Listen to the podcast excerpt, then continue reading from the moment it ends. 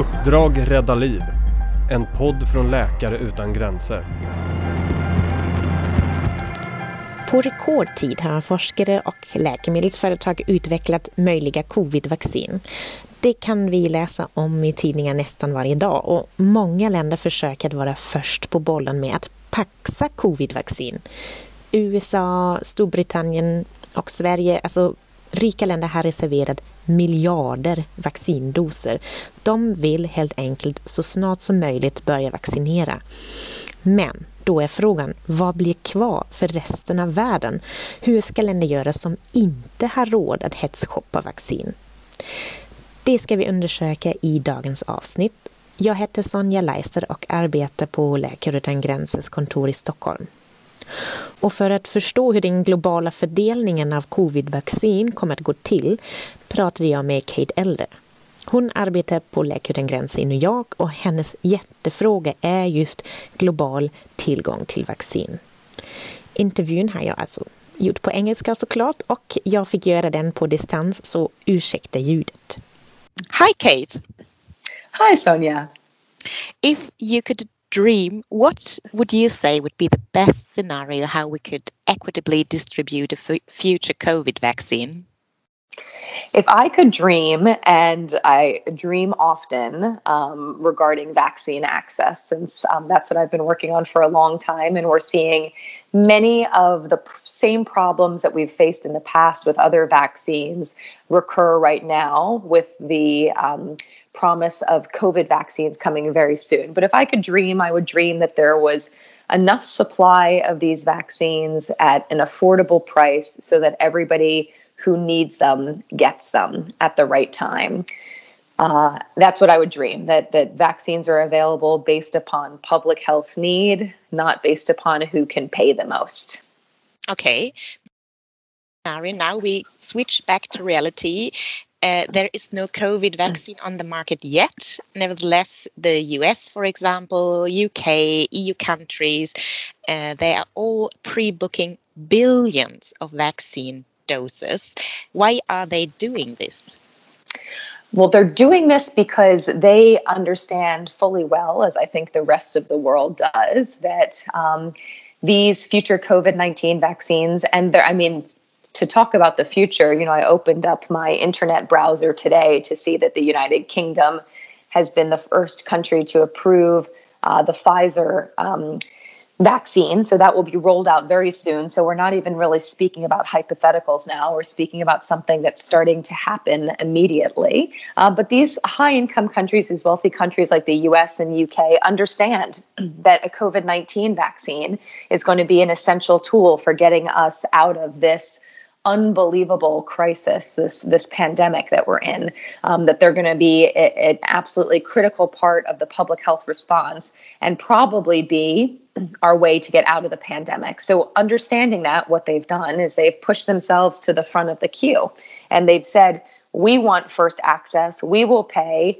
Um, top dollar. We have the money, and we're going advance all of these supplies of hypothetical vaccines. Um, and that's what they've done. And they have um, the position to be able to do it because they're very wealthy countries that have um, resources to work with. What does this mean for all the countries in the world that do not have the money to pre order vaccines or the COVID vaccine I'm talking about, of course? Yeah, it means that sadly, um, you know, rather than having this global public good, which is what all these political leaders called future vaccines, and rather than having a people's vaccine and something that is actually distributed based upon public health need, that since they don't have the funds to be able to push themselves to the front of the queue, that they're they're being left behind and they'll basically get the crumbs. We do know that there will be, and excuse me, initially sh- shortages of these vaccines we can talk about that why there will be shortages if it will be of interest but understanding that indeed there won't be enough supply at the beginning to meet all of the global demand.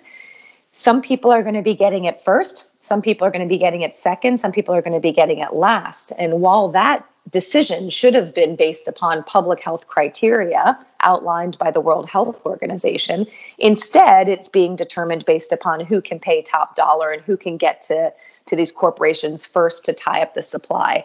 So sadly, we see a dynamic happening that's not new to us. You know, it's time and time again, MSF sees it with other vaccines, but where the poorest countries of the world, and most importantly, the people in those countries, you know, don't get um, medical tools that they need. In this case, COVID 19 vaccines based upon their need. They get it you know, second, third, last. Um, so we are seeing a huge inequity um, already play out between the, you know the haves and the have-nots of the COVID vaccine story.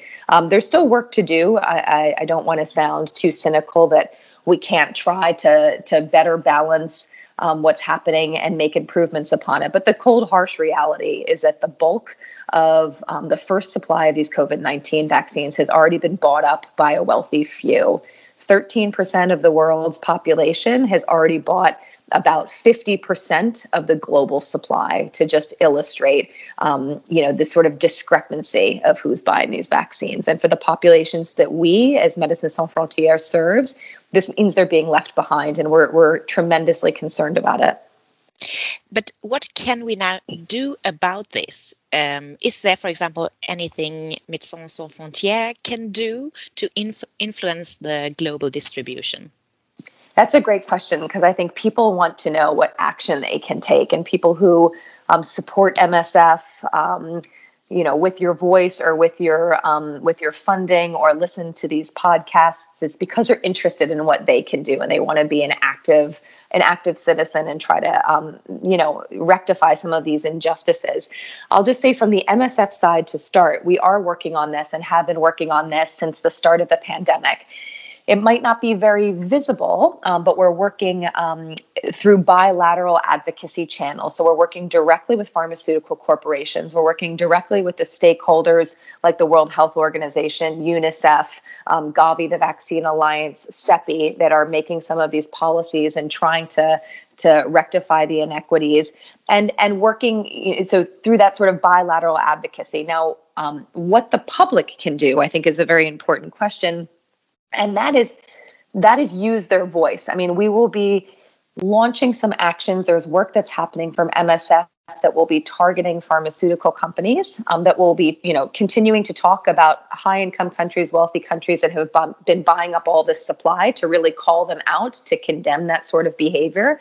And then the next step will be to push them to make sure that they set aside some of these doses that they've um, already purchased for you know less fortunate countries, for for developing countries, or for crisis affected populations. Obviously, a population that MSF cares deeply about. Um, so, what the public can do is the public can support those sorts of actions. The public can um, use their virtual voice on social media um, to support the work that MSF is doing, whether that is um, tweeting at companies, tweeting at um, countries themselves.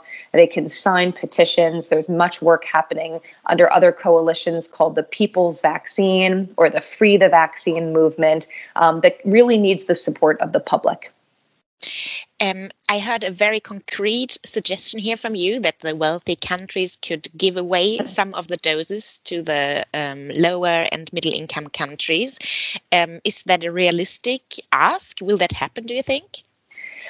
I think it actually is a realistic ask now because I think that, you know, high income country, wealthy countries that have bought up all of this supply, they understand the optics of it, right? They understand how bad that looks, how selfish that looks. Um, and, you know, this is being done by many of the same governments that at the start of the pandemic came out and used really encouraging language about you know access global access to to these medical tools at the launch of um, the WHO led ACT Accelerator the um, the accelerator for, for COVID 19 technologies, medical technologies. This was really a landmark moment where governments across the world came together and said, listen, this is a, a global pandemic that we all face together, and we won't get out of it together unless we we make all of the, the fruits of medical innovation, the medicines, the vaccines, the diagnostics available to everybody.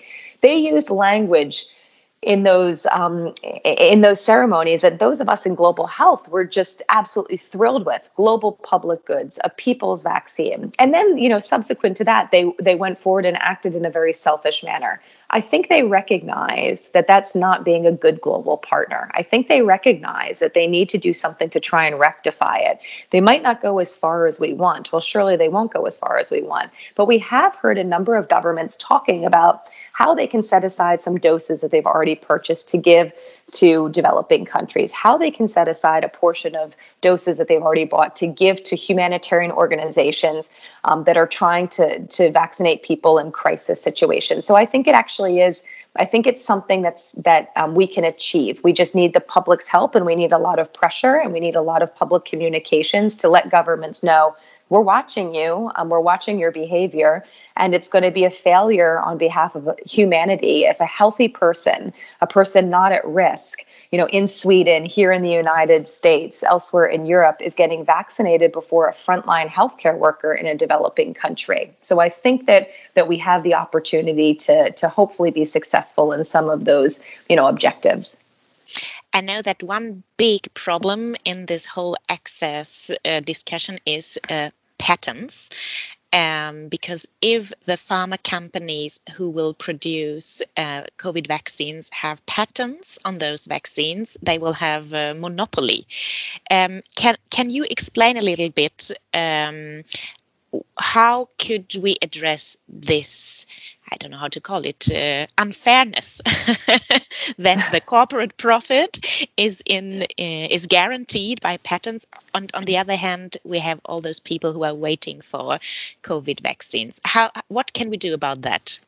I'm glad that you used that word, Sonja, unfairness, because it's really at the heart of it, right? I mean, we have to remember these vaccines, if we're just talking about COVID 19 vaccines, they've received a tremendous amount of public funding. I mean, the public, you, me, through our taxpayer dollars, have largely financed the research and development of these COVID 19 vaccines, which has been you know, extraordinarily quick, right? We're, we're going to have vaccines in a, in a quicker time frame than ever done before historically.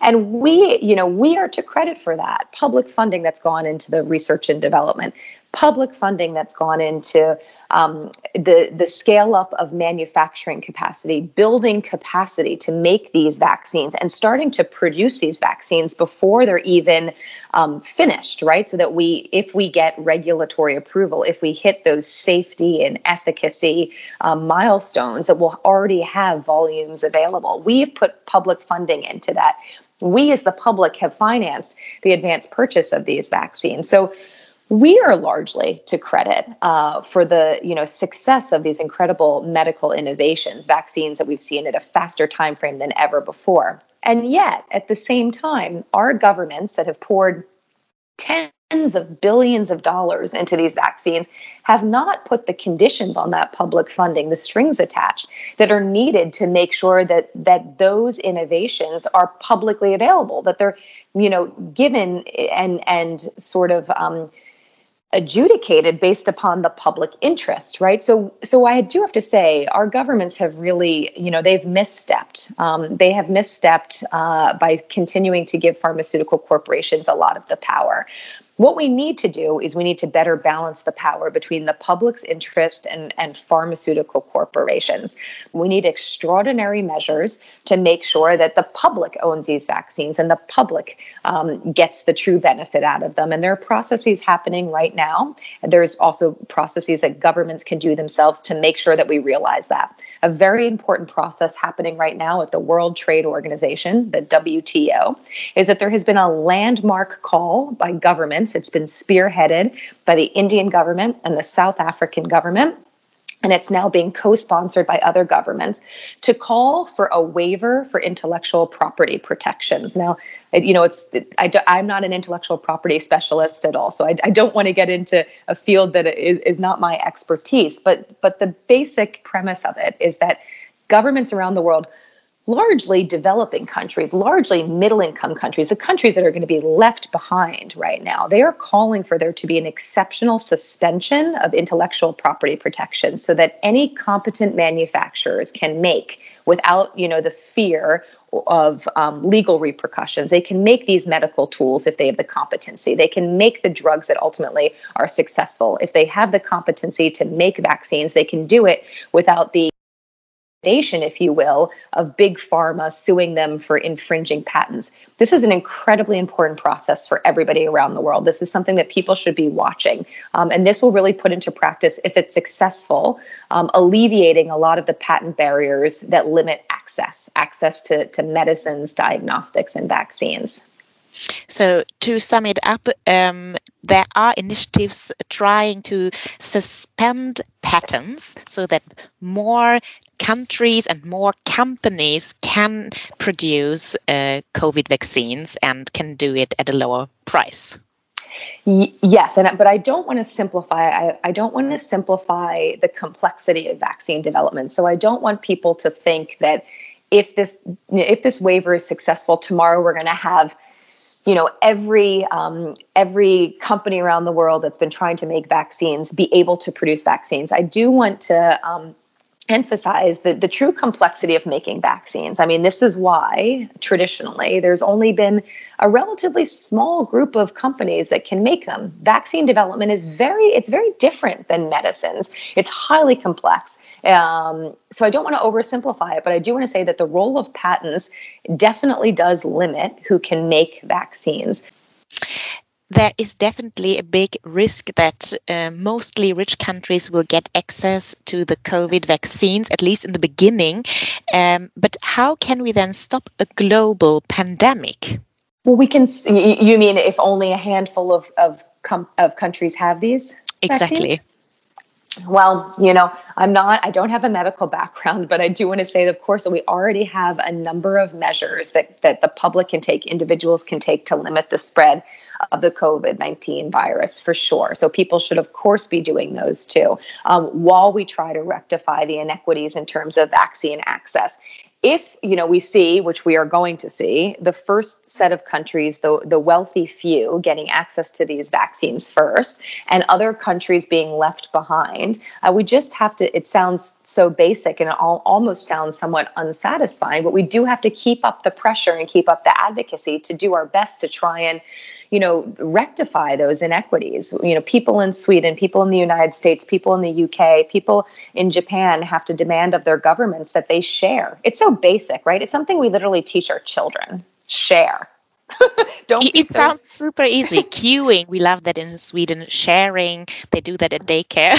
exactly. Could work it could work. I have a two-year-old. I mean, she's you know able to share more successfully than the U.S. government right now. It's quite remarkable. But that's what we need. We just need this basic premise of not being selfish and learning to share. There are mechanisms right now globally that that can be the recipients of you know these donations of vaccines from the, the countries that have bought them. There is the COVAX facility. This is the global procurement mechanism that has been designed to try and improve equity equity of distribution of COVID 19 vaccines. What countries can do is they can put some of their doses into the COVAX facility, and that's what they should be doing. So, yes, maybe it's, it's a very basic message, right? That we tell our two year olds at kindergarten just share, just share. And we can tell it to our governments and elected officials too.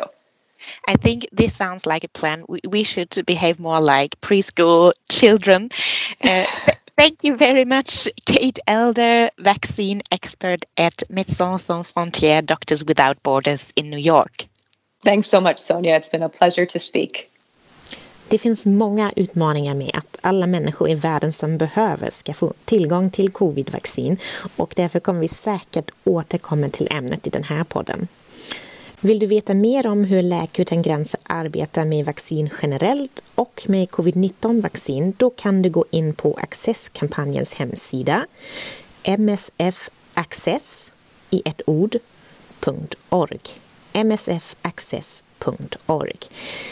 Har du frågor, funderingar eller annat, besök oss även i sociala medier. Du hittar Läkare utan gränser Sverige på Facebook, Instagram och Twitter. Vi som har gjort podden heter Katinka Agneskog och Sonja Leister. Ta hand om er! Du har hört Uppdrag rädda liv, en podd från Läkare utan gränser. Ansvarig utgivare är Oliver Schultz. Tack till Roll the Dice och Peder Mannerfelt för musiken. Vill du höra fler avsnitt? Du hittar dem där poddar finns eller på www.lakareutangranser.se nyheter poddar.